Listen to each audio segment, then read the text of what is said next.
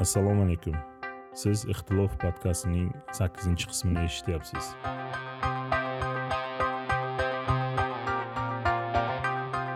Meni ismim xurshid alimardonov bugungi suhbatdoshim o'zbekiston inson huquqlari ezgulik jamiyati raisi abdurahmon aka tashanov. Abdurahmon aka xush kelibsiz. Э, assalomu alaykum xurshidjon. Э, Xorimang avvalo э, kelayotgan hayitlaringiz muborak bo'lsin. Oldimizda mana xotira va qadrlash kunidek bir e, ulug' e, bayramlar turibdi. Endi albatta bu e, suhbatimiz yozilish jarayoniga bog'liq efirga uzatilayotganda balki bu sanalar o'tgan bo'lishi mumkin. Lekin shunga qaramasdan sizga studiyangizga yaqinlaringizga hamkasblaringizga bayram muborak bo'lsin deyman. Katta rahmat birga bo'lsin. Abdurahmon akam men sizni va ezgulik jamiyatini qilgan faoliyati haqida xabarim bor lekin shunday bo'lsada shu sohadan uzoq odamlarga ezgulik haqida eshitmagan odamlarga iloji bo'lsa qisqacha aytib bersangiz. Demak e, o'zbekiston inson ezgulik jamiyati ikki ming uchinchi yilda e, o'n to'qqizinchi marta birinchi marta e, davlat ro'yxatida o'tgan ya'ni o'zbekiston respublikasi adliya vazirligi tomonidan ro'yxatga olingan o'sha aqsh davlat departamentini ta'biri bilan aytganda only deydi ya'ni yagona shu sohadagi mustaqil tashkilot hisoblanadi shu paytga. Endi keyingi paytlarda bitta ikkita tashkilotlar yana ro'yxatdan o'tdi. Lekin biz uzoq yillar davomida shu yagonaligimizcha qoldi. Ya'ni shu sohada ya'ni masalan inson huquqlari sohasidagi yagona ro'yxatdan o'tgan e, mustaqil tashkilot. Endi tashkilotlar ko'p. Masalan aytaylik o'zbekistonda hozir to'qqiz ming sakkiz yuztami shunaqa bo'lsa kerak. E, shuni o'zi bor yo'g'i o'n beshtasi inson huquqlari bilan shug'ullanar ekan o'tgan kuni e, demak o'zbekiston respublikasini adliya vazirligi nodavlat notijorat tashkilotlari boshqarmasi brifing o'tkazdi va brifingda shunaqangi o'n beshta o'n oltita o'sha inson huquqlari bilan shug'ullanadigan nodavlat tashkilotlari bor ekan. Va bularni ham bazasi nihoyatda kambag'al e, haligi sistemalashmagan hatto ko'pchiligini e, o'zi ofislarga ega bo'lmagan tashkilotlar ekan endi shu jihatdan oladigan bo'lsak e, biz tashkilotimiz birmuncha katta tashkilot. Masalan aytaylik volontyorlarimiz soni bir yuz saksondan oshadi ikki yuz atrofida va o'sha doimiy biz bilan faoliyat yuritadigan o'ttizta qirqta faollarimiz bor. Endi biz o'zimizni kontingentimizni aytaylik salohiyati bazani o'sha qanchalik shakllanadiga e'tibor beradigan bo'lsak biz ichimizda ko'proq yuristlar jurnalistlar advokatlar bor e, shifokorlar bor o'qituvchilar e, ko'pchiligi tashkil qiladi. Xuddi shunaqangi e, haligi kadrlar zaxiramiz mavjud.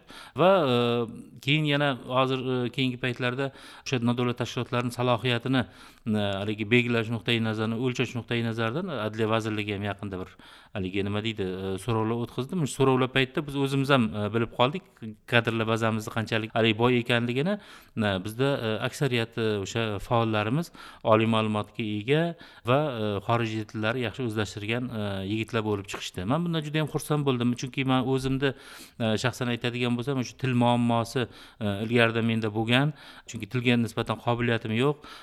Mana masalan o'sha til baribir bu jamoat tashkilotlari bilan ishlashda fuqarolar bilan ishlashda boshqa joylarda til judayam muhim ko'rsatkichlardan biri. Til haqida o'zbek tili haqida um, biz to'xtalamiz. Albatta keyinroq to'g'ri mana ikki ming o'n to'qqizinchi yil oxirigacha shu azam farmonovni huquq va tayanch jamiyati ro'yxatdan o'tishdan oldin ezgulik e, yagona tashkilotlardan bo'lgan sizni qilgan xizmatlaringiz e, jamiyatni qilgan xizmatlarini biz ko'rib turganmiz. Masalan o'zbekistonda e, yangi prezident saylanishi rejim o'zgarishi yangi islohotlar qilinishi ortidan haligi siyosiy mahbuslar deymiz har xil uydirma ayblovlar bilan qamalgan odamlarni chiqqan suratlarni arxivlarini ko'tarsam hammasini yonida e, siz bo'lib chiqasiz. Qaysidir ma'noda bularni chiqishini o'zingiz monitoring qilib kuzatib bevosita o'zingizni hissangizni qo'shgansiz. Men hozir e, bu holatlar haqida endi to'xtalmoqchi emasman. Sizdan so'ramoqchi bo'lgan fikrim shu yaqinda e, siz o'zingiz ham bu narsani tilga oldingiz. Aqshning xalqaro diniy erkinlik maxsus kuzatuv komissiyasida o'zbekistonda shu e, diniy ro'yxatlarga olgan xavotirli mamlakatlar ro'yxatga tushirish masalasi. Endi man keling e, shuni sal e, yaqin o'tmishdan boshlay shu masalani ikki ming o'n to'rtinchi yilda aqsh kongressida shu masala ko'rilayotgan paytda man bevosita o'sha tinglovlarda ishtirok etganman.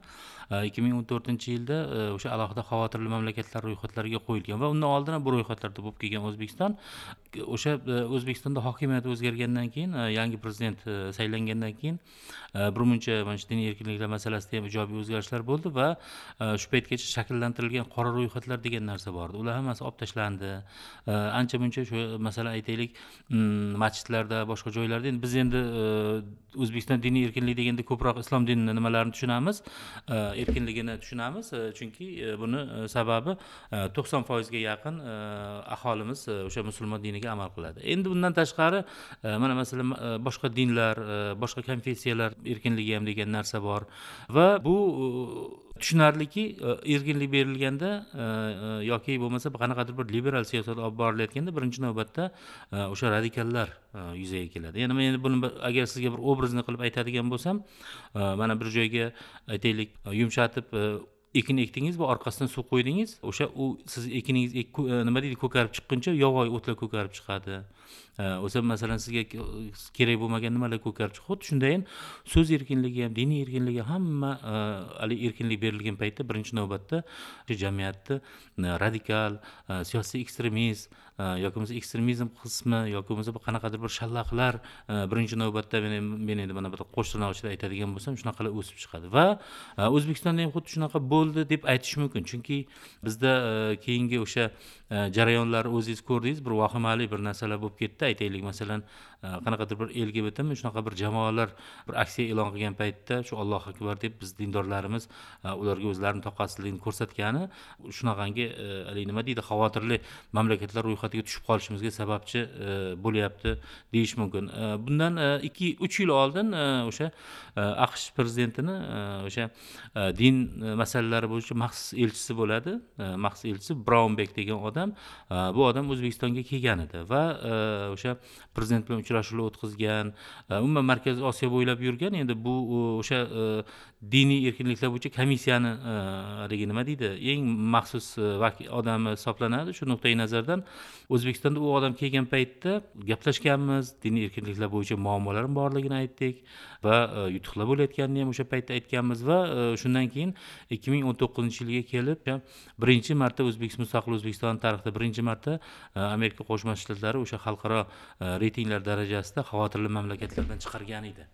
Endi hozir e, mana shu hozir xavotirli mamlakatlarga kiritish bo'yicha tavsiyalar berildi lekin hali kongress bu bo'yicha xulosaga kelgani yo'q e, va hali kiritgani yo'q va umid qilamizki e, kiritmaydi ham. Chunki e, mana keyingi paytlarda mm, ko'ryapmiz qanaqadir darajada shu diniy erkinliklar masalasida ancha muncha siljishlar bor. Lekin ikkinchi tomondan xavotirli jihatlar ham bor. Chunki mana masalan men juda ko'p uchrashuvlarda o'zbekistonda diniy erkinliklar masalasi ham so'z erkinligi masalasi ham hamma masalalar qanaqadir bir to'lqinsimon bir zigzag shaklda ya'ni masalan bir ko'tariladi bir tushadi yoki bir qanaqadir bir haligi fuqarolar huquqlarini cheklashga qaratilgan bir normativ akt qabul qiladi yoki bo'lmasa prezident tashabbusi bilan e, qanaqadir bir erkinlik beriladi.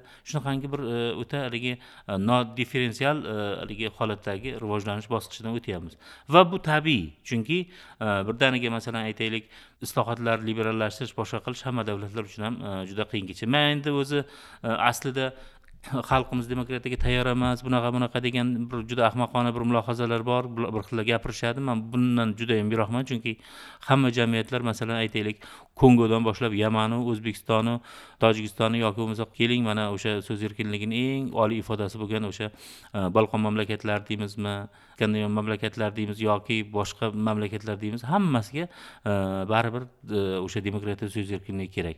E, lekin o'sha so'z erkinligini aytaylik masalan jamiyat qanday qabul qiladi jamiyat qanaqangi tarbiyalanish yo'lidan boradi yoki millatni zehniyatida qanaqadir bir haligi nima deydi chatnashlar chaqmoqlar sodir bo'ladi. Bo'ladi bu boshqa narsa. Chunki e, mana man o'tgan gal ko'p suhbatlarda aytdim. Masalan e, erkinlik haqida gapirib e, qanaqadir islohotlar haqida gapirsangiz hozir ayniqsa ijtimoiy tarmoqlarda odamlarni e, o'sha qanaqadir kayfiyatida o'ta kuchli bir ziddiyat bormi? Sizni shu haqorat qilish shaxsingizni badnom qilishdan tortib umuman fikr aytgan odamni bir og'zini yopishga harakat qilishadi. Man shu bo'yicha mana yaqinda bir matbuotda bir katta nashrlardan bittasida gapirdim. Xuddi diniy erkinliklar ham xuddi shunaqa masalan qaysidir imom yoki domla yoki bir voiz masalan bironta bir tashabbus bilan chiqadigan bo'lsa uni og'ziga urish e, uni e, haligi nima deydi neytrallashtirishga harakat qilish e, tendensiyasi mavjud. Yaxshi men bu e, aytmoqchi bo'lgan narsam e, umuman olganda agar e, islohotlarni nazarda tutadigan bo'lsak qonunlar va yo'l tanlanishi to'g'ri bo'lyapti. Lekin siz o'zingiz ham buni ta'kidladingiz. Ba'zi bir shaxslarning bu sohada qilayotgan yaxshi harakatlari qo'sh tirnoq ichida shu umuman olganda davlat darajasida qilayotgan siyosatni orqaga suryapti. Endi man sizni shamangizni tushundim. O'sha masalan man o'sha e, ijtimoiy tarmoqlarda ommaga e, post yozganimizda boya tirraq e, buzoq podani bulg'aydi degan bir ma'noda gaplar qilamiz. Ya'ni mana masalan aytaylik global bir darajada mahalliy bir haligi nima deydi yaxshi bir islohotlar borayotgan paytda qanaqadir nima deydi dunyoqarashi past bo'lgan haligi huquqiy nimalari past bo'lgan yoki bir korrupsiyaga moyil bo'lgan bir shaxs kimnidir masalan aytaylik diniy e'tiqodi uchun urib Э, kaltaklab yoki uni masalan nohaq qamab э, o'sha islohotlarga judayam katta soya soladi. Masalan aytaylik siz e, bitta devorni katta qilib e, chiroyli qilib oq bilan bo'yab chiqdingiz birov bitta narsani agar sachrataveradigan bo'lsa o'sha devor sifati buziladi. Xuddi shundayin e, o'zbekistonda shunaqangi holatlar bor. Biz endi man o'sha misollarimda Э, keltirganman э, bayramali yusupov degan yigitni э, masalasini keltirganman. U yigit demak o'sha rossiyada o'zbekiston maxsus xizmatlari tomonidan ushlanishga harakat qilingan lekin keyinchalik yevropa sudini e, qarori bilan e, hozir mana daniyada yashaydi. E, va eng qiziq tomoni mana shu yigitni hozir ishi bilan ahmad shahid ya'ni o'sha diniy erkinliklar bo'yicha ma'ruzachi shug'ullanyapti.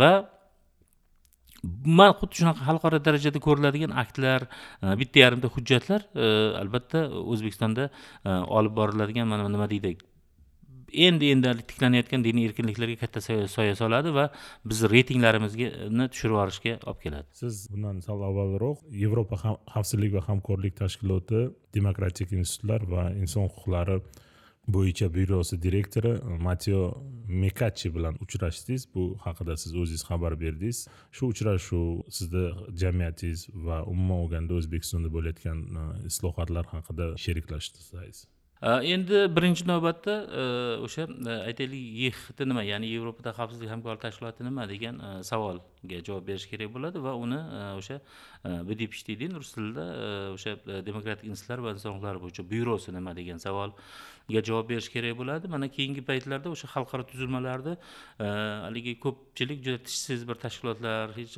bir haligi nima tavsiya xarakteriga ega bo'lgan hatto e, qarorlar chiqarishda ham bir e, mujmal deydi. Lekin masalan o'n ya'ni birlashgan millatlar tashkiloti bunday gapni gapirsa ham lekin obc ya'ni yevropada xavfsizlik hamkorlik tashkiloti haqida bunaqangi nimalarni gapirish mumkin emas. Sababi sababi bu tashkilot bu tuzilma siyosiy jihatdan dunyodagi eng kuchli tuzilmalardan bittasi. Sababi ancha muncha rivojlangan ellik oltita mamlakatni o'zini e, ichiga oladi. Endi mamlakatlar qancha rivojlangan bo'lsa uni sheriklari masalan e, tashkilotga a'zo bo'lgan davlatlar qanchalik masalan mavqei yuqori bo'lsa demak tashkilot tishi ham o'tkirroq bo'ladi. Endi shu nuqtai nazardan yevropada xavfsizlik hamkorlik tashkilotini o'sha inson huquqlari va demokratiya bo'yicha byurosi bu o'sha dunyodagi asosiy ishchi byurolardan bittasi. Ya'ni bular siyosiy jarayonlarni kuzatadi mamlakatlardagi siyosiy jarayonlarni. Inson huquqlari bo'yicha e, vaziyatni baholaydigan tashkilot. Endi e, o'zbekistonda bu yil saylovlar yili shuning uchun e, bu tashkilot o'zbekistonga katta e'tiborni qaratgan o'sha mikatchi janoblari bilan bo'lgan uchrashuvda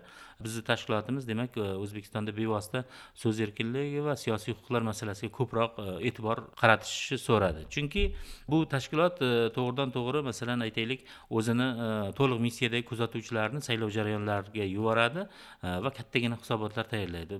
Demak o'n to'qqizinchi yildagi e, o'zbekistondagi parlament saylovlarida haligi nima deydi? Siyosiy e, pluralizm ya'ni siyosiy raqobatchilik muhiti kuzatilmaganligini aytgan edi va katta ehtimol bilan menimcha hozirgi bu saylovlarda ham tashkilotni xulosasi shunaqa bo'ladi. Chunki biz o'zimiz aytaylik siyosiy pluralizm nuqtai nazaridan siyosiy bir muxolif partiyalar ro'yxatga olinganini yangi kuchlar kirganligini ko'rmadik.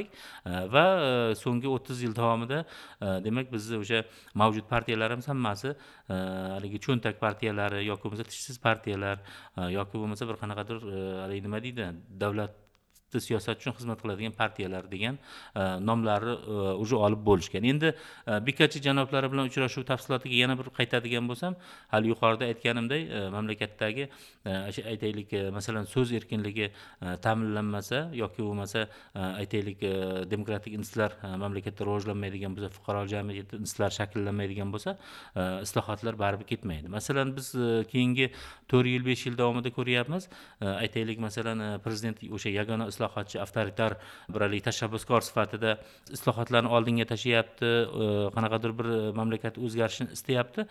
Lekin o'sha e, islohotlar o'rta bo'g'inga kelib tashabbuslar hammasi sinyapti. Mana bugun endi hatto e, nima deydi aholi orasida e, ayrim qatlamlar paydo bo'ldi. Hatto prezidentga ham nisbatan ishonchsizlik. Chunki masalan shuncha gapiryapti lekin amalga oshmayapti degan nima? Endi buni tub sabablariga keladigan bo'lsak mamlakatda o'sha e, prezidentni hukumat siyosatini qo'llab quvvatlaydigan uni realizatsiya qiladigan kuchlar yo'q. Kuchlar yo'q. Ya'ni o'sha e, demokratik institutlar e, va o'sha inson huquqlari tashkilotlari e, fuqarolik jamiyatini vakillari bo'lishi kerak. Bu katta qism nodavlat notijorat tashkilotlari bo'lishi kerak. Biz o'tgan yillarda qo'shma shtatlarda bo'ldik va o'sha uch yuz o'ttiz million aholisi bor deb aytiladi endi nimani? uch yuz mingdan ortiq nodavlat tashkilotlar bor. Misol yoki man tez tez man skandinaviya mamlakatlariga borib turaman. O'sha shvetsiya norvegiya e, yoki mana daniyaga o'xshagan e, mamlakatlar e, yoki mana gollandiyada bo'laman tez tez bu mamlakatlarda ham nihoyatda o'sha nodavlat notijorat tashkilotlarini ya'ni fuqarolik jamiyatini o'rni juda katta. Ya'ni davlat o'zini zimmasidagi mas'uliyatni katta qismini e, vazifalar katta qismini e, xususiy sektorlar bilan bo'lishishgan e, biz mana bekachi janoblar bilan uchrashuvda mana shu masalani ko'tardim. Aytaylik o'zbekiston alohida masalan taraqqiyotdan alohida bo'lib alohida yo'l bilan chiqib ketolmaydi. U butun o'sha rivojlangan mamlakatlar yurgan yo'ldan yurish kerak. Shuning uchun sizlar o'zbekiston hukumati bilan o'zaro muloqotlarda fuqarolik jamiyatini shakllantirish bo'yicha qonun hujjatlarini huquqiy asoslarni yaratish masalalarini qo'yishlaring kerak e, degan e, takliflarni ilgari surdik. Men sizdan siyosiy pluralizm masalasi tilga oldingiz. O'zim so'ramoqchi edim. Mana shu oxirgi paytda e, o'zini partiyasini tuzib prezidentlikka nomzodini qo'ygan ikkita shaxs paydo bo'ldi. Birinchisi jahongir otajonov va termiz davlat universitetini sobiq rektori qidirnazar olloqulov o'zini partiyasini tuzishda keyin shu ovoz yig'ishda topshirishda ba'zi bir qiyinchiliklarga uchrashayotgani ya'ni ularga e, ruhiy jismoniy bosim bo'layotgani partiya a'zolari bir necha bor ularga provokatsiya uyushtirganlarni chiqib e, aytishdi. Mana shu borada fikringizni eshitmoqchi edim. Keling birinchi o'sha nomzod qo'yish masalasini ko'raylik. Endi bu o'sha masalan e, men bu partiyani nomzodiman deb avvaldan gapirish hali partiya ro'yxatidan o'tmagan paytda haligi qilish bu endi populizmdan boshqa narsa emas. Chunki biz e, jiddiy odamlarimiz aytaylik masalan oddiy odamlar buni tushunmasligi mumkin. Masalan men bugun partiya tuzdim mana shu partiyani nomzodiman prezidentlikka nomzodimni qo'ydim. Nima u prezidentlikka nomzodni qo'yish? Prezidentlikka nomzodni qo'yish e, birinchi navbatda o'sha mavjud siyosiy partiyani ro'yxatdan o'tkazish e, uni keyin aytaylik qurultoyda nomzodni tasdiqlattirish e, va undan keyin o'sha prezidentlikka e, nomzodini ilgari surish va u nomzod markaziy saylov komissiyasidan o'sha prezidentlikka nomzod sifatida ro'yxatga olingandan keyin u amaliy ahamiyat kasb etadi. Lekin keyingi paytlarda masalan oldingi saylovlarda ham siz endi xurshidjon xabaringiz bormi yo'qmi bilmayman bir o'n birtami o'n ikkita nomzod bo'lib ketadi. Masalan o'sha hamma o'zi nomzod men bu partiyani nomzodiman men bu partiyani nomzodiman masalan xurshidjon masalan ikkalamiz ham biza mana shu partiyani nomzodimiz deb bugun aytaylik qo'limizda mikrofon bor e'lon qilib yuborsak odamlar uni nima deydi bir qismi qabul qilishi mumkin masalan xurshidjon yo abdurahmon partiyani nomzodi lekin aslida amaliy jihatdan bu nima deydi haligisi ahamiyati nol darajada man shunaqa deb o'ylayman ikkinchidan o'zbekistonda o'sha siyosiy partiyalar tuzilishiga to'siqlarga keladigan bo'lsak eskidan shunaqa e, bu bugungi muammo emas bugungi nima emas yoki e, bugungi haligi nima emas masalan biz e, o'sha mustaqil bo'lganimizdan beri birorta siyosiy partiya paytgacha ro'yxatga mana bu yil o'zbekiston birinchi sentyabrda mustaqilligini o'ttiz yilligini nishonlaydi. O'ttiz yil davomida bironta xalqni ichidan haligi nima deydi yetishib chiqqan bir siyosiy partiya nima bo'lgani yo'q. Endi masalan aytaylik muxolifatdagi o'sha birlik yoki erk e, degan siyosiy partiyalar oladigan bo'lsak bular mustaqillikdan oldin o'sha milliy ozodlik harakati sifatida e, sovet ittifoqi davrida yetishib chiqqan partiya. Lekin undan keyin bironta bir e, o'sha aytaylik xalqni ichidan uyushgan tarzda bir partiyalar nima deydi haligi qilib kelmadi. Undan tashqari o'sha keyingi paytda ham oldin ham o'sha o'zini nomzodlarini ilgari surgan partiya ochishga harakat qilgan odamlarni lider sifatida bir jozibasi qanaqadir ko'rinmadi. Yoki bo'lmasa ambitsiya ha siyosiy salohiyati ko'rinmadi. Aytaylik masalan e, men o'zim e, shu sohada ishlab kelayotgan mutaxassislardan biri sifatida aytaman. E, masalan keyingi mana hozir endi haqiqat va taraqqiyot partiyasi haqida gap ketyapti. Partiyani kuzataman. Qanaqadir jonbozlik bor qanaqadir bir ishchillik bor bir o'ziga yarasha jasurlik qahramonlik ham bor. Man uni to'g'ri qadrlayman tushunaman va shu jihatdan hurmat qilaman. Pluralizm nuqtai nazaridan albatta u partiyalarga yo'l berilishi kerak. Bu unga gap bo'lishi mumkin emas. Lekin partiyani o'zida masalan aytaylik bugungi bizni chiqish yo'limizni ko'rsata oladigan e, strategiyani e, ko'rayotganimiz yo'q. Mana masalan mm, aytaylik ularni o'sha e, haligi nima deydi dasturlarini hali shu paytgacha bir e, to'laqonli haligi qilolganimiz yo'q. Endi masalan aytaylik. Jahongir otajonov o'zi aytdi siyosiy hech qanaqa meni dasturim yo'q dastur nimaga kerak deb aytdi. yo'q endi man hatto uni e, siz hozir nomzod demaganingizda man shuni gapirmoqchi emas edim. Chunki masalan matbuotda chiqib men nomzodman deyish bu nomzodlikni bildirmaydi. Man endi masalan uni san'atkor sifatida ham hurmat qilaman siyosiy fikrlarini ham hurmat qilaman. Lekin e, qanaqadir nima deydi yo'q narsa haqida gapirib populizm bilan shug'ullanish unchalik to'g'ri emas. Lekin masalan e, siyosiy shaxs sifatida siyosiy faol fuqaro sifatida masalan aytaylik e, siyosiy jarayonlarga odamni o'zini munosabatini bildirish siyosatga munosabatini bildirish bu juda hurmatga sazovor narsa. Shu jihatdan jahongir otajonov ham hurmatga sazovor. Yoki siz hali yuqorida nomini tilga olgan haqiqat va taraqqiyot partiyasini lideri qidirnazar aka olloqulov ham masalan e, hurmatga sazovor e, lekin lekin masalan e, keyingi paytlarda aytaylik o'sha eski muxolifat partiyalarida ham yangi muxolifatlikni davo qilayotgan partiyalarda ham chiqish yo'lini ko'rsata oladigan bizni masalan aytaylik yaqin kelajakdagi strategiyamizni belgilab beriladigan darajadagi bir dasturlarni afsuski ko'rmadik.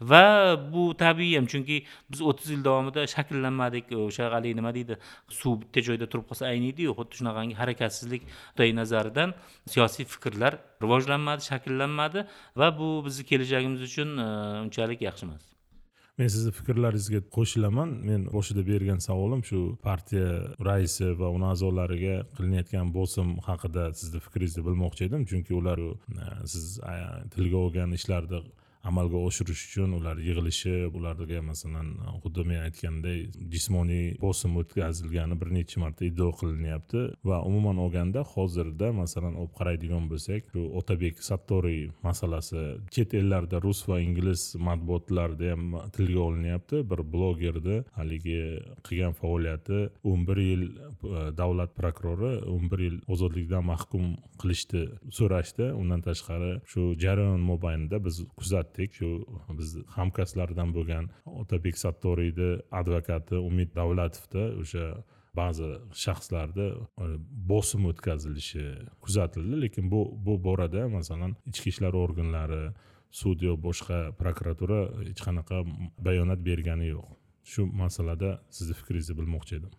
Keling e, masalani e, boshqacharoq qo'yaylik. Mana e, boshida so'z erkinligi haqida gapirdik. So'z erkinligi berilgandan keyin baribir birinchi navbatda hali men yovvoyilar dedim. Endi bu sal majoziy ma'no. Masalan mani eshitayotgan odamlar buni o'ziga olib bu odam nimaga bu degan haligi bir iddaolarni qo'yishmasin. Chunki gapirishdan ham qo'rqib qoldik. Sababi siz gapirsangiz u sizni haligi nimangizda e, sahfangizda sizni shu haligi nima deydi butun oilangizdan shaxsingizdan boshlab siylaydiganlar e, ko'payib ketib qoldi.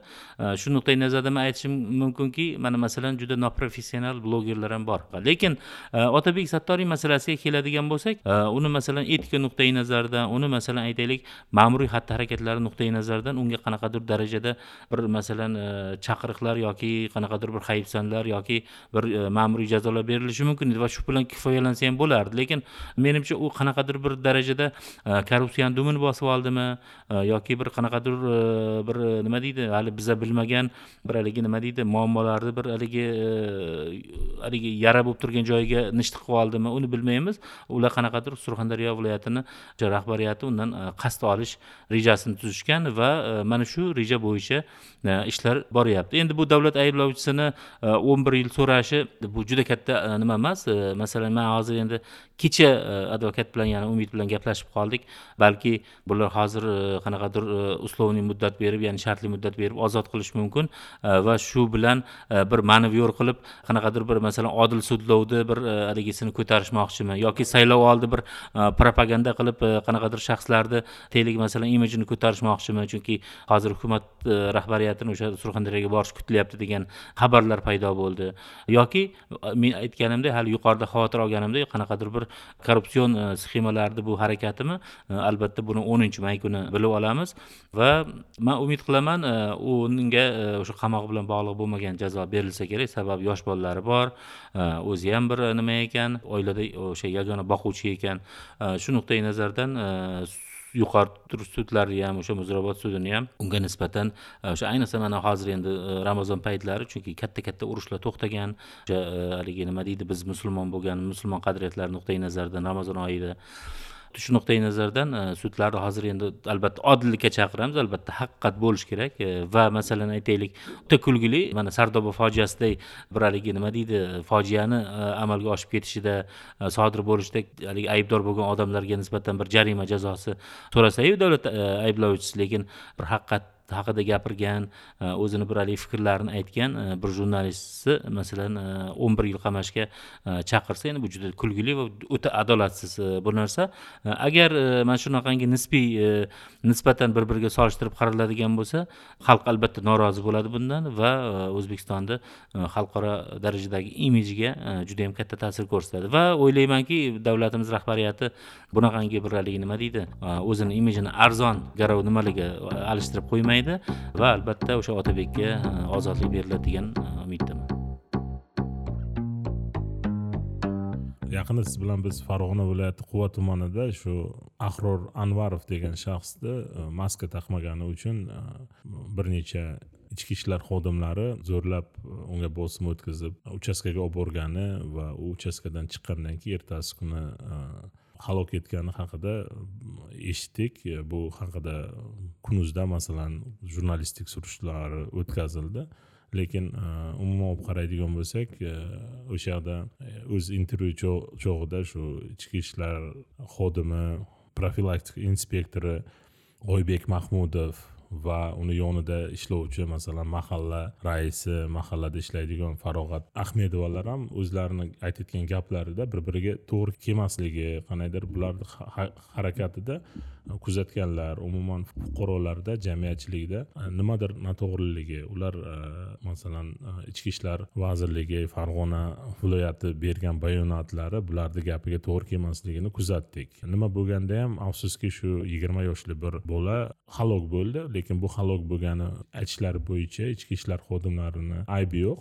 Lekin shunday bo'lsa ham shu bo'lgan holat umuman olganda o'zbekistonda bo'layotgan holatlarga ichki ishlarni masalan jismoniy qiynoq deymiz spekulyatsiya holatlarini keltirib chiqarmoqda.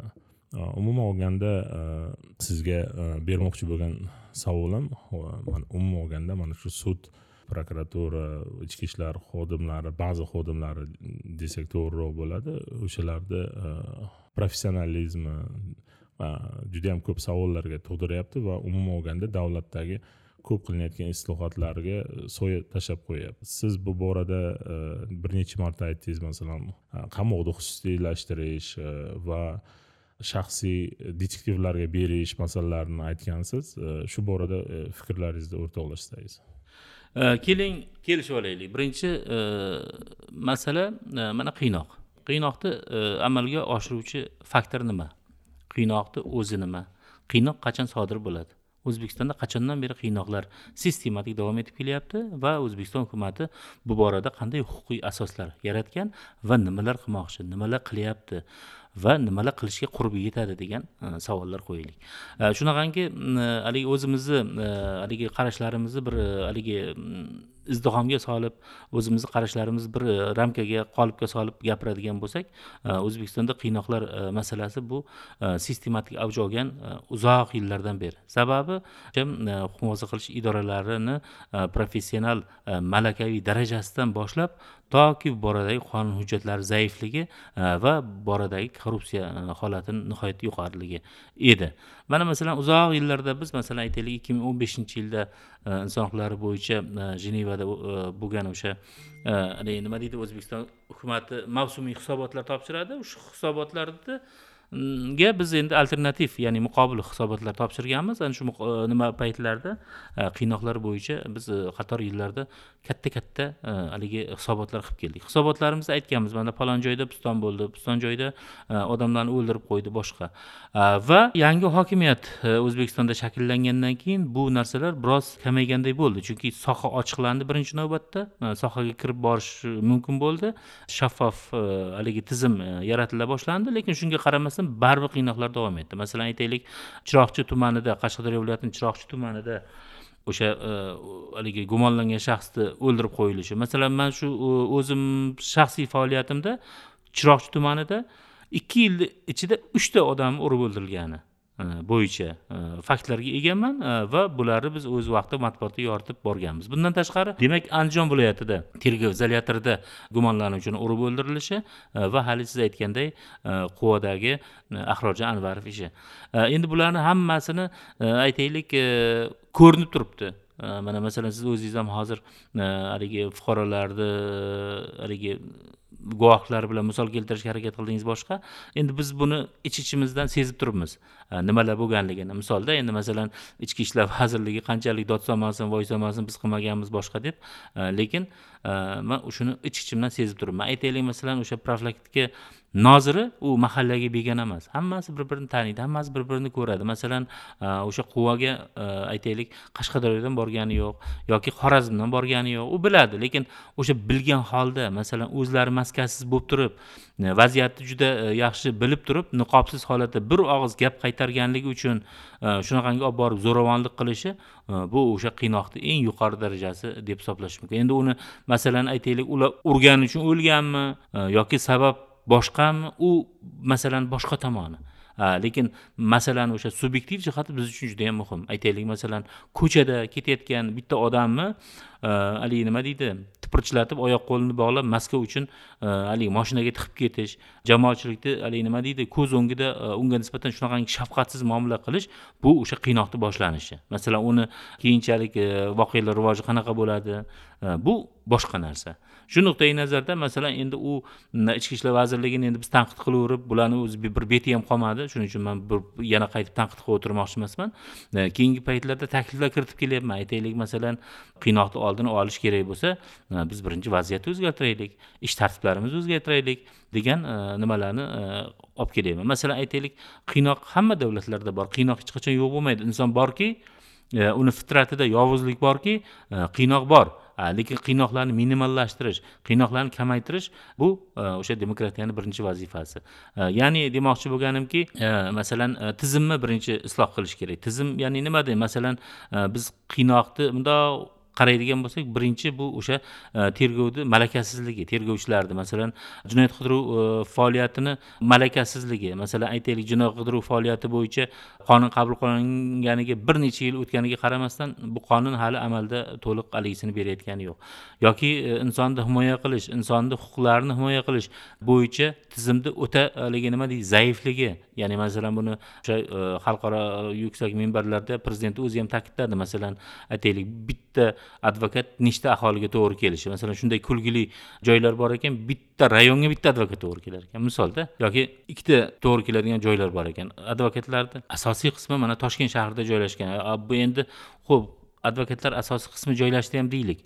A bu endi bularni kasbiy e, nima deydi kadrlar zaxirasiga qaraydigan bo'lsangiz birortasi masalan boshidan advokatlik bilan shug'ullanib kelayotgan odamlar emas. Bular kecha tergovchi bo'lgan urilib ketgan o'sha haligi ongi shuuri tergov bilan e, nima qilgan haligi qotgan odamni qoralash bilan qotgan kecha o'zlari urib e, aytaylik e, birovni bo'yniga qo'ygan odamlar. Bu advokatlarda bugun patta o'zgargan bilan miya o'zgarib qolmaydi yoki qog'oz o'zgargan bilan nima bo'lib qolmaydi? Shuning uchun bu tizimni isloh qilish bo'yicha birinchi takliflar berdik. Lekin afsuski e, bular birortasi qabul qilmaydi. Ya'ni nima?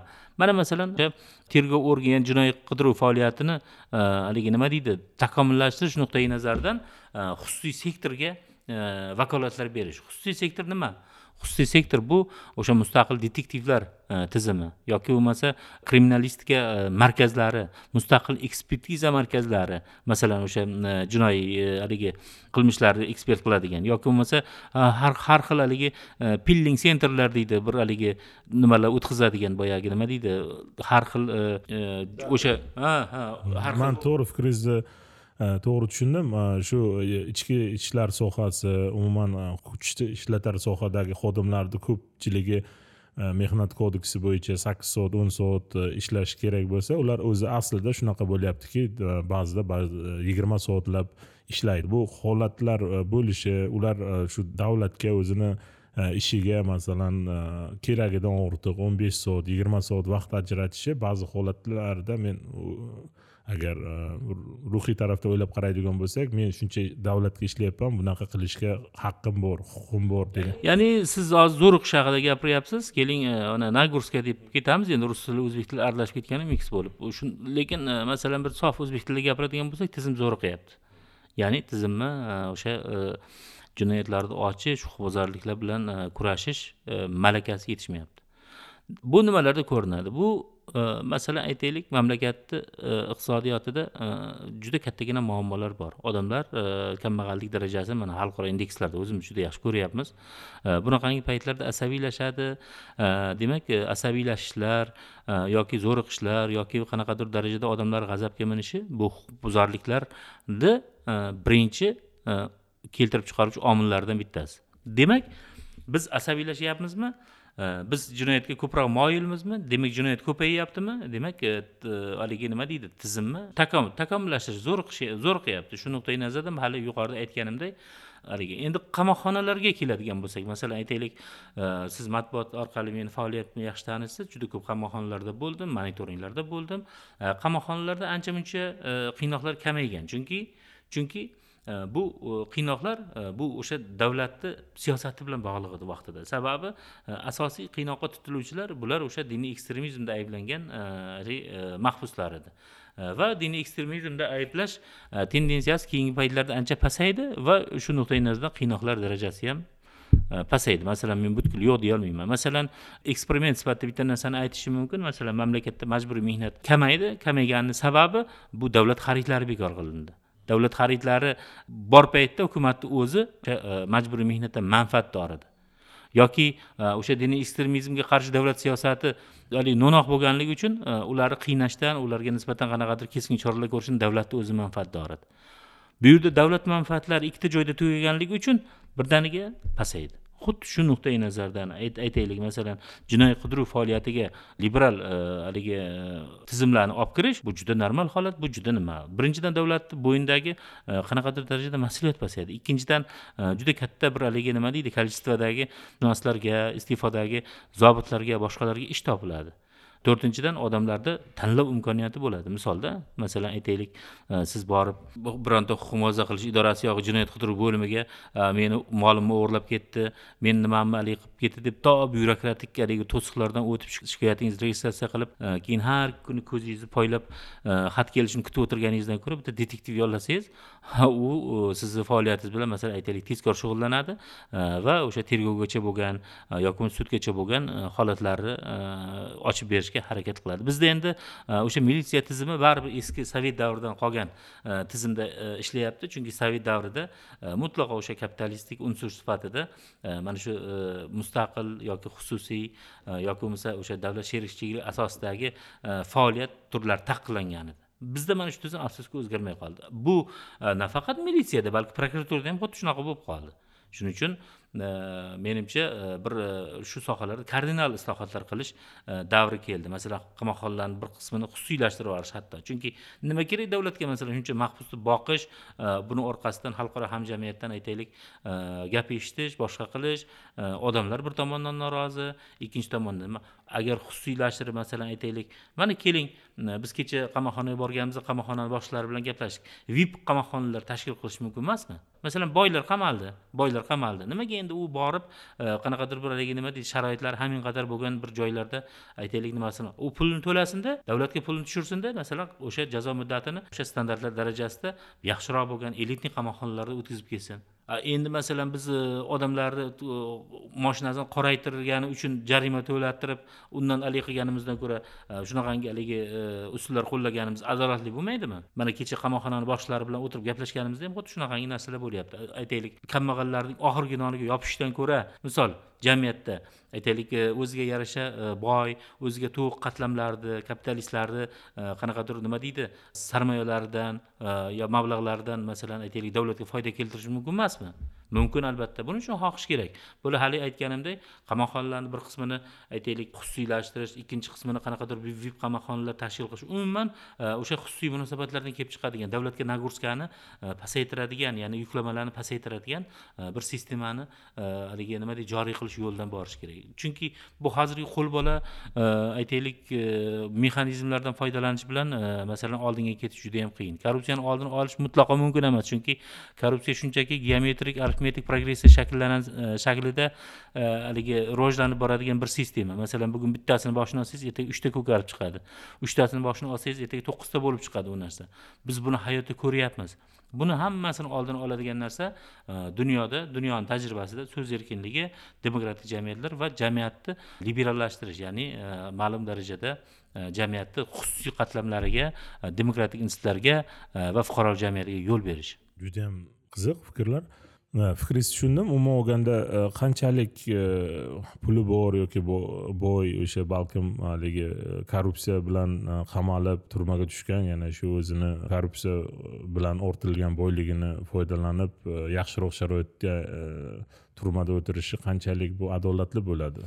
Yo'q yo'q yo'q man endi buni misol uchun aytdim. Mana misol uchun aytdimda uni e, man masalan ularga bir komfort sharoit yaratib berib san bu yoqda o'g'riyding endi u yoqda ham zo'r bo'l degan ma'noda emas. Bu yerda ijtimoiy adolat mezonlari albatta haligi qilinishi kerak. Ushlanishi kerak. Masalan e, endi bizni haligi nima deydi? Jamiyatimiz bir e, bitta narsani fikr o'laroq qabul qilishdan ko'ra e'tiroz e, bildirish yoki bo'lmasa qanaqadir haligi sirka suv ko'tarmaydi deydiyu. Xuddi shunaqangi nuqtai nazardan emas. Man endi buni bir yo'l sifatida aytyapman hozirda. Misol ya'ni demoqchi bo'lganimki masalan aytaylik ehtiyotsizlik orqasidan masalan odam o'ldirish degan narsa bor yoki ehtiyotsizlik orqasidan jinoyat qilish degan narsa bor. Man aynan korrupsiya masalasini aytayotganim yo'q. Mana masalan aytaylik e, bir milliarder odam e, bilmasdan e, o'sha yo'l transport hodisasini sodir qildi. U muayyan darajada o'sha nimaga haligi nima deydi? Loyiq. Haligi nima deydi? Jazoga loyiq. U qamoqda o'tirishi kerak. U jinoyatchi. Lekin mana masalan uni puli bor. O'rtada pul bormi? Demak ikkita tomonda ham qanaqadir darajada ya'ni demoqchi bo'lganimki shunaqangi bir haligi sistema yaratilishi kerakki o'sha adolat mezonlariga asoslangan ijtimoiy haligi nima deydi qatlamlarni ham rozi qila oladigan darajada bir haligilar bo'lishi kerak ijtimoiy xavf qilmaydigan ba'zi stатьяларdan tashqari demoqchisiz. albatta. Masalan korrupsiya bu siyosiy ahamiyatga ega bo'lgan nima? Yoki masalan aytaylik shaxsga qaratilgan yoki o'ta og'ir jinoyatlarda ayblanish u boshqa narsa lekin men aytmoqchi bo'lganimki e, masalan jamiyatda e, ijtimoiy ahamiyati yuqori bo'lmagan e, jinoyatlar bor yoki ijtimoiy ahamiyati unaqangi darajada nima deydi haligi bo'lmagan qonunbuzarliklar bo'ladi. Boshqa xuddi shunaqa haligi nima deydi gaplarni nazarda tutgan edim man endi suhbatim cho'zilib ketayotgani uchun alohida to'xtalmadim. Aslida masalan hamma narsani bir haligi nima deydi xalqni muhokamasiga tashlab boshqa qilib umuman o'zi rivojlangan mamlakatlar yo'lidan borish kerak demoqchiman xolos. Keyingi bir so'ramoqchi bo'lgan narsam e, masalan siz e, yaqinda kirib turmani o'rganib monitoring o'tkazib e, komissiya doirasida ko'rdingiz sobiq bosh prokurorlar bilan ham uchrashish muvaffaq bo'ldi. Bu narsaga to'xtalmoqchi emasman.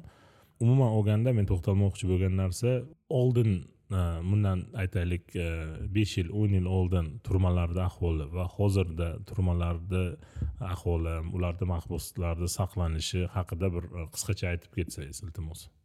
Endi e, albatta mana masalan e, hali yuqorida aytganimdek siyosatga bog'liq. Masalan o'tgan yili e, bir juda muhim ahamiyatli bir farmon chiqdi o'n sakkizinchi mayda endi buni Э, birov bildi birov bilmadi. Buni ahamiyati qanchalik yuqoriligini birov sezdi birov sezmadi. Birov o'zi haligi qorin to'ydirish bilan band birov bir haligi qanaqadir bir biznes bilan band boshqa odamlarni xayoliga bu muhim narsa kirmadi. Bu o'sha e, uzoq yillardan beri amal qilib kelayotgan o'sha mm, aytaylik e, jazoni ijro etish muassasalari bo'yicha davlat sirlarini olib tashlash masalasi bo'ldi. E, o'sha yerdagi ma'lumotlar hammasini davlat siridan chiqarish haligi bo'yicha prezident farmoni chiqdi. Mana shu farmon keskin o'zgartirib yubordi ko'p narsalarni ya'ni nimani? Masalan aytaylik shu paytgacha biz nechta mahbus saqlanardi o'zbekistonda? Buni bilmasdik. Hamma gapirardi o'zbekiston mahbuslar mamlakati bu yerda bir uch yuz ming mahbus bo'lsa kerak bu yerda bir besh yuz ming mahbus kerak bu yerda bitta bir million odam qamoqda yotgan bo'lsa kerak deb gapirishardi. Chunki mamlakatni imijiga juda yam katta ta'sir ko'rdi. Endi holbuki shu narsalar davlat siridan chiqarib tashlangandan keyin bizda bor yo'g'i o'zi yigirma ikki ming yigirma sakkiz ming atrofida e, mahbus bor ekanligi aniq bo'ldi va biz bu masalada ancha yuzimiz yorug' bo'ldi. Bu birinchisi. Ikkinchisi qamoqxonalardagi sharoit deyapmiz. Qamoqxonalarda hozir e, keyingi paytlarda o'sha e, haligi davlat sherikchiligi asosida xususiy sexlar tashkil qilish yo'lga qo'yilgan. Ya'ni birinchidan mahkum nima qiladi? Mahkum masalan bir biri bilan urushib yoqalashib yoki boshqa qilib o'tirgandan ko'ra borib o'sha ishlagani yaxshi. Biror bironta sexda boshqada. Chunki cho'nchagiga foyda. U masalan oilasi tashqarida qolgan e, masalan yagona boquvchi bo'lgan odamlar ham ko'p qamoqxonada. Ular masalan oilalariga pul jo'natishadi boshqa qilishadi. Mana masalan bitta narsani aytishim mumkin. Chirchiqdagi mana oltinchi sonli. Jazoni ijro etish muassasasi deyiladi. Bu joyda shunaqangi katta sexlari bor. Uncha muncha nima deydi haligi nimalarda yo'q. Yoki bo'lmasa mana bu e, toshkent shahrini mana e, chuqursoy degan e, haligi dahasida bir haligi kolonna последняя bor. Santexnika mollarini ishlab chiqaradigan. Kirsangiz uni zavod deysizda. Zavodni ishchilari go'yoki nima qilyapti ishlayapti degan nima. Shunaqangi bir bejirim mahsulotlar nimalar ishlab chiqarishadi?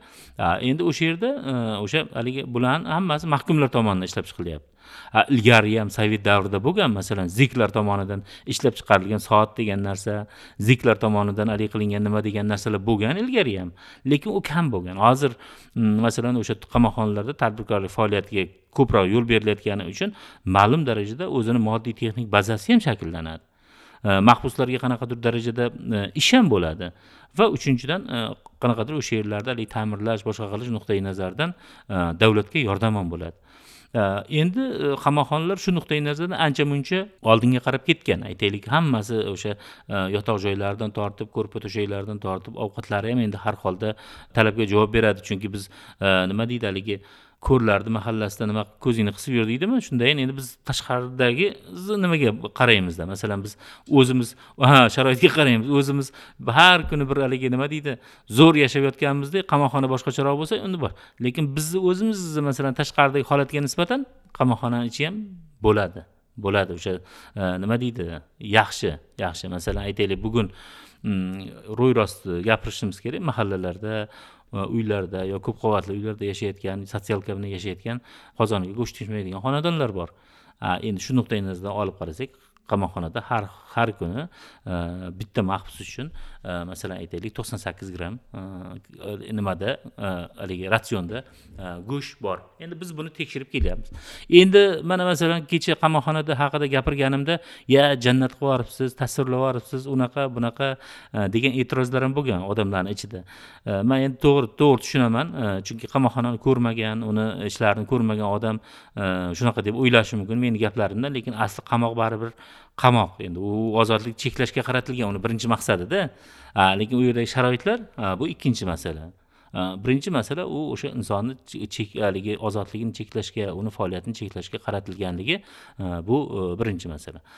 Endi siz farqini so'raydigan bo'lsangiz albatta o'tgan asrdagi qamoqxonalar bilan bu asrdagi qamoqxonalarni solishtirib bo'lmaydi. O'zi sekin sekin rivojlanyapti. Albatta man masalan hali siz e, yuqorida e, gapirib ketdim. Rivojlangan mamlakatlarni qamoqxonasiga bizni qamoqxonalarni solishtirish niyatim yo'q. Masalan finlandiyani qamoqxonasi bilan o'zbekiston qamoqxonasini e, solishtirish mumkin emas. Chunki xuddi shunday finlandiyada yashash tarzini o'zbekistonda yashash o'zbekiston yashash tarzini ham solishtirish mumkin emas shuning uchun e, nima desam bo'ladi? Masalan biz o'zimiz e, yashash tarzimiz o'zimizni topish tutishimizga qaraganda qamoqxonalarimiz ham e, unchalik nima deydi dahshatli darajada emas bu bir. Ikkinchidan endi mana hozir e, gap ochdingiz baribir o'quvchilarga qiziq bo'lsa kerak. Ikkita e, bosh prokurorni masalan e, ko'rishga muvaffaq bo'ldim. Ularni bittasi demak o'sha tikuv sexida xizmat qilyapti. Demak rashidjon qodirov xizmat qilyapti emas. Ya'ni o'sha yerda shu shuni bilan ovunib shu bilan kun kechiryapti. Chunki qamoqxonada bekor o'tirish juda qiyin vaqt o'tmaydi. Ikkinchisi demak abdullayev general bu kishi demak e, o'sha haligi koshinlik sexi deymizmi marmar sexi deymizmi? O'sha o'sha yerda e, o'zini e, faoliyatini davom ettiryapti. Va men bu narsalarga normal qarayman. Chunki rutbasi kim bo'lishidan boshqa bo'lishidan qat'iy nazar hammaga albatta teng sharoitlar bo'lishi kerak. Qanaqadir huquqbuzarligiga qarab jinoyatiga qarab munosabatda bo'linadi hamma narsaga. Va hali yuqorida aytganimdek qamoqxonalar ham asta asta takomillashib boradi. Shu ikki ming o'n to'qqizinchi yil avgust oyida prezident tomonidan qaror chiqarib jasliq yopildi degan xabarlar tarqaldi. Lekin e, jasliq yopilmaganligi haqida e, qandaydir e, mish mishlar e, savol savol tug'dirib kelayotgan edi ko'p jamoatchilikda.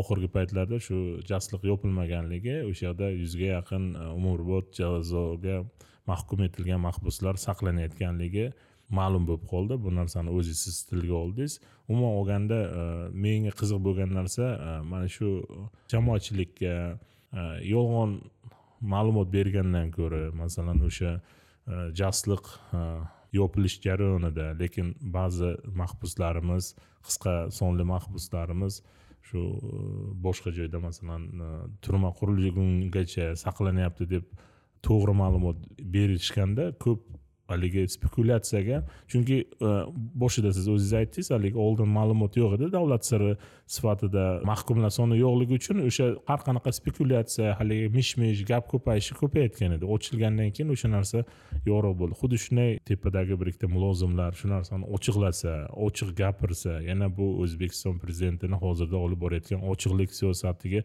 Э, qo'llab quvvatlardi shu narsani chunki bu narsa bitta misol sifatida o'zbekistonda bo'layotgan ko'p jarayonlarda bir e, qonuniylikni ko'rsa bo'ladida. Shu haqida nima deb o'ylaysiz? Endi bu yerda gap e, ya'ni men sizni tushundim. E, jasliq yopildi dedi. Aslida yopilmagan ekan deb hamma gapirib yuribdi. E, lekin bu yerda gap asosiy muammo jasliqni yopish yopilmasligi haqida berilgan axborot emas. Umuman axborot siyosatini boshqarish.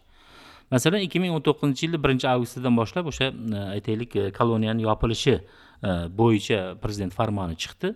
Va uch oydan keyin farmonga sharh bergan o'zbekiston respublikasi ichki ishlar vazirini o'rinbosari qutbiddin burxonovmi degan odam hozir endi senatda ishlaydilar u kishi aytdi. Ya'ni bir qismi qolyapti dedi. Mana masalan bunga e'tibor bergan odam berdi lekin bermagan odam bermadi. Ya'ni bu yashirilgani yo'q. Ya'ni mana shu axborotga urg'u berilmadi. Urg'u uni yopilganiga berildi. Shuning uchun bu yerda masalan e, aytaylik hukumat buni yashirgan edi deyish noto'g'ri. Sababi masalan aytaylik hozir yuzta yo'q kechirasiz chunki men e, ichki ishlar vazirligiga xat bilan murojaat qilib o'sha dokumentalniy film olish masalasida shu e, o'zbekistonda bo'layotgan siyosatni prezident farmonlarini bajarish maqsadi mahbuslarni jastiqdan chiqib ketish jarayonlarini dokumentallashtirish suratga olish videoga olish bo'yicha xat bilan murojaat qilganimda ichki ishlar vazirligidan manga jasliqda e, hamma mahbuslar olib chiqilganligi ko'chirilgan. Man tushundim sizni tushundim. Masalan aytaylik e, axborot beruvchilar bor. Axborotni qabul qiluvchi kontingent bor.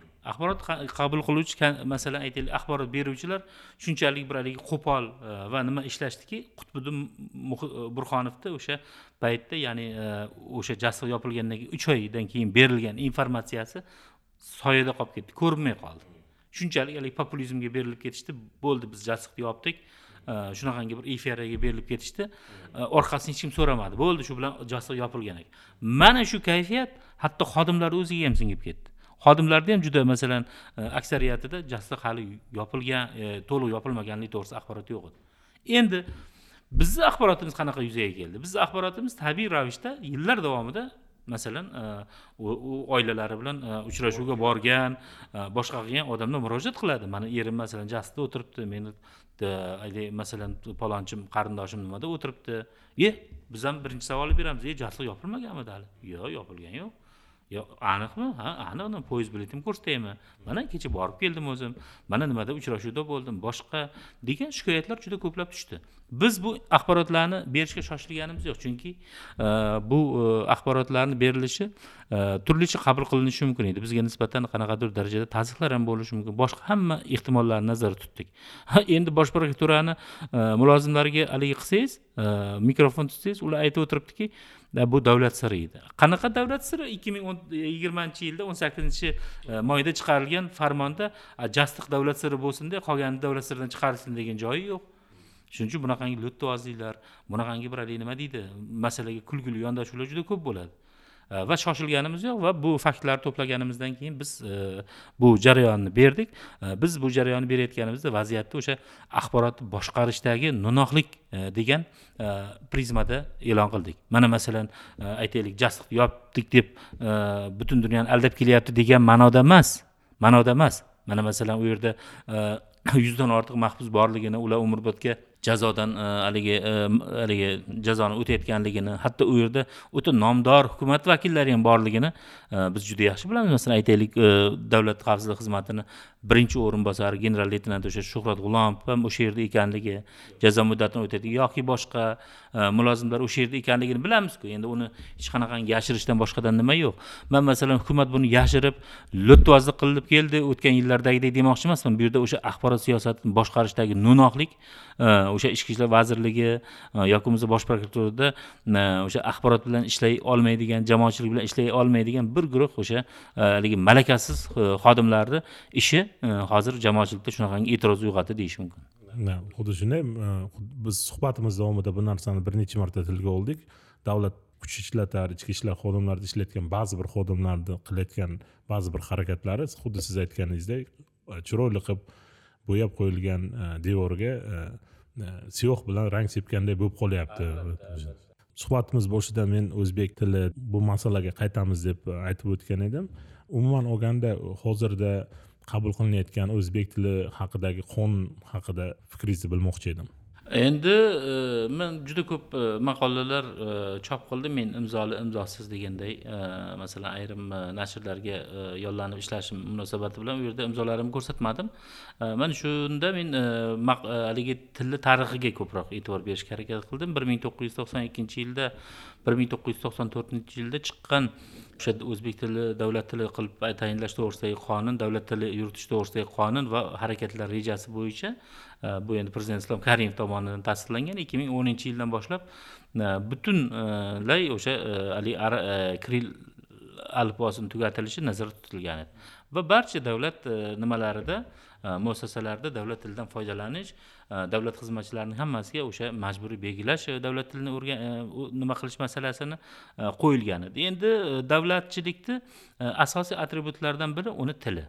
Masalan aytaylik e, siz endi man sizni juda yaxshi tushundim. Masalan aytaylik shvetsiya konfederatsiyasiga borib e, bitta tilni masalan haligi qilolmasligingiz mumkin. Aytaylik e, talab qilolmasligingiz mumkin chunki konfederatsiyani bir tomoni italyanlar bir tomoni nemislar bir tomoni fransuzlardan iborat bo'lsa e, uni talab qilolmasligingiz mumkin bir tomoni gollandlardan iborat bo'lsa. Lekin o'zbekistonga o'xshagan qozog'iston boshqa shunaqa o'xshagan bir e, unitar davlatlar bor. Masalan o'zlarini bir milliy e, koloritiga ega bo'lishi kerak bo'lgan o'zini milliy nima deydi haligi tutumlariga milliy qadriyatlariga ega bo'lishi kerak bo'lgan yagona millatli emas ko'p millatli bo'lganman asosiy qismini baribir o'zbeklar tashkil qiladi. Va e, u joyda o'zini tilini ahamiyatini e, saqlab qolish e, kerak bo'lgan nimalar haligi davlatlar bor. Va mana qozoqlar bu borada mana o'zingiz ko'ryapsiz o'sha davlat amaldorlarini hatto haligi nima deydi qozoq tilini bilmasa lavozimga qo'ymaslik bo'yicha tilni mustahkamlash nuqtai nazaridan yaxshi islohotlar olib boryapti. Bu aslo millatchilik emas aslo e, boshqa haligi kamsonli e, millatlarni huquqlarini kamsitish emas. Mana masalan biz hozir keyingi paytlarda haligi ozgina provokachat qilishga ham o'rganib qoldikda bizni biz o'zbekiston bo'lsak tilimiz o'zbek tili bo'lsa davlat tilimiz to'g'risida qonun bo'lsa biz uni mustahkamlash yo'lidan albatta borishimiz kerak. Va albatta haligi boshqalarni huquqlarini kamsitmagan holda. Endi masalan asosiy e, subyektiv jihatiga qaraydigan bo'lsak o'zbeklar millat sifatida pasayib ketdi. Ya'ni nimaga? Masalan aytaylik o'zbeklar aytaylik to'rt million aholisi mardikor bo'lib boshqa bo'lib yurmagan bo'lganda e, hozirgi darajaga masalan tilimiz zaiflashib kelib qolmagan bo'lardi. Yoki bo'lmasa biz o'zimiz qaddimiz ko'targan e, boy badavlat e, qanaqadir darajada bir hamma jihatdan hamma reytinglarda yuqori bir millat bo'lganimizda misol e, e, iqtisodiy jihatdan ham ijtimoiy jihatdan ham hamma jihatdan hamma reytinglar bo'yicha nima bo'lmaganimizda aytaylik bizni e, bir qism erkaklarimiz u yoqda mardikorlik qilib yurmaganda bitta qism ayollarimiz aytaylik sharqda sharq mamlakatlarida fohishalik qilib yurmaganida boshqa qilib yurmaganida bizani millatimizni qadri yuqoriroq bo'lganda tilimizni ahamiyati ham yuqoriroq bo'ladi mana shu narsani ko'pchilik aytishdan cho'chiyapti mana shu narsani ko'pchilik aytishdan qanaqadir istihola qiladi. Mana shu milliy g'urur deymiz o'sha milliy g'ururni o'ta pastligi o'sha millatimiz zehniyatida juda haligi deydi mayda mayda chuyda qanaqadir bir haligi nimalar bilan o'rlashib qolganimiz maishiy narsalar bilan o'rlashib qolganimiz bizni tilimiz mavqeini tushib ketishiga asos bo'ldi biz qanchalik hozir haligi nima deydi kamsonli millatlar xavotir olyapti endi o'zbek tili kuchayib ketar ekan biz tilimizga ahamiyat yo'q unaqa emas. O'zbek tili yaqin o'rtada manimcha kuchaymaydi e, va bu boradagi sa'y harakatlar e, yetarli darajada samara bermaydi. Endi masalan milliy tiklanish partiyasi boshqa bunaqangi guruhlar o'z vaqtida chiqqan voy tilimiz dilimiz biz e, E, tilimizni yo'qotgan kuni o'lamiz degan juda katta shiorlar bor edi. O'sha e, haligi e, mustaqillik dastlabki yillarida. Lekin afsuski bora bora bora bora tilimiz ahamiyati shu qadar pasayib bordiki hatto keyingi paytlarda haligi o'n sakkizinchi asrlarda o'rislarda haligi fransuz tilini madaniyat darajasi deb bilgan bo'lsa hozir o'zbek xonadonlarida rus tilida gaplashishni madaniyat darajasi deydigan xonadonlar paydo bo'ldi afsuski. Endi bu bu bizni darajamiz bilan bog'liq. Ya'ni bizni e, nimamiz bilan bog'liq. Shuning uchun e, man hech o'ylamayman o'zbek tili yuksalib ketib boshqa tillar mavqei tushib ketadi deb. Chunki e, aytaylik masalan boshqa tilni mavqei nima bilan bog'liq? Hali yuqorida aytganimdek o'sha millatni qiyofasi bilan bog'liq o'sha millatni darajasi bilan bog'liq o'sha millatni e, dunyoda tutgan o'rni bilan bog'liq. Hech qachon siz ingliz tilini ahamiyatini tushirolmaysiz chunki inglizlar bugun Э, aytaylik dunyoni eng yuqori nuqtasida turgan э, bir haligi millat. Yoki fransuz tilini ahamiyatini hech qachon taqiqlab ham hatto tushira olmaysiz chunki fransuzlar o'sha e, madaniyatni e, gultojlaridan bittasi. Xuddi shu nuqtai masalan aytaylik yapon tilini e, nimasini ham tushira olmaysiz yo koreys tili chunki ular dunyoda ilgarilab ketayotgan mamlakatlar ilgarilab borayotgan millatlar. Abdurahmon aka bugungi suhbat uchun sizga katta rahmat. Rahmat xurshidjon man podkastlaringizni eshitib boryapman o'sha sergey mayorov bilan juda bir haligi huquqiy nigilizm haqida juda yaxshi bir suhbatlar qildingiz buning uchun sizga alohida rahmat va Э, bizni do'stimiz yelena matvenko bilan ham э, gender masalalari bo'yicha ayollarni jamiyatdagi tutgan o'rni o'zbek oilalaridagi zehniyatdagi e, o'sha qanaqadir o'sha maishiy zo'ravonlikka bo'lgan moyillik bo'yicha bir yaxshi suhbatlar qildingiz ochiq suhbatlar qildingiz. E, mana shu ishlaringizda omad tilayman. E, xudo xohlasa podkastlarni davom ettiring chunki sifroviy matbuot deymiz endi haligi raqamli matbuot raqamli nimalar. Baribir xonadonlarga tezroq kirib boradi odamlarni ongi shuuriga ham tezroq kirib boradi. Chem haligi yozib e, qanaqadir eski uslubdagi gazetalardan ko'rada e, shuning uchun e, bu ishlaringizda omad tilayman hamkorligimiz davom etadi degan umiddaman. Rahmat. Men ham sizni og'ir mehnatingizga omad tilayman. Ishlaringizga muvaffaqiyat. Siz ixtilof podkastining sakkizinchi sonini eshitdingiz. Bugungi suhbatda abdurahmon tashanov o'zbekiston inson huquqlari ezgulik jamiyati raisi edi. Bu podkastni oxirigacha eshitganingiz uchun rahmat. Podkastni do'stlaringiz bilan ulashing bu bilan siz bu loyihani qo'llab quvvatlagan bo'lasiz. Xayr salomat bo'ling.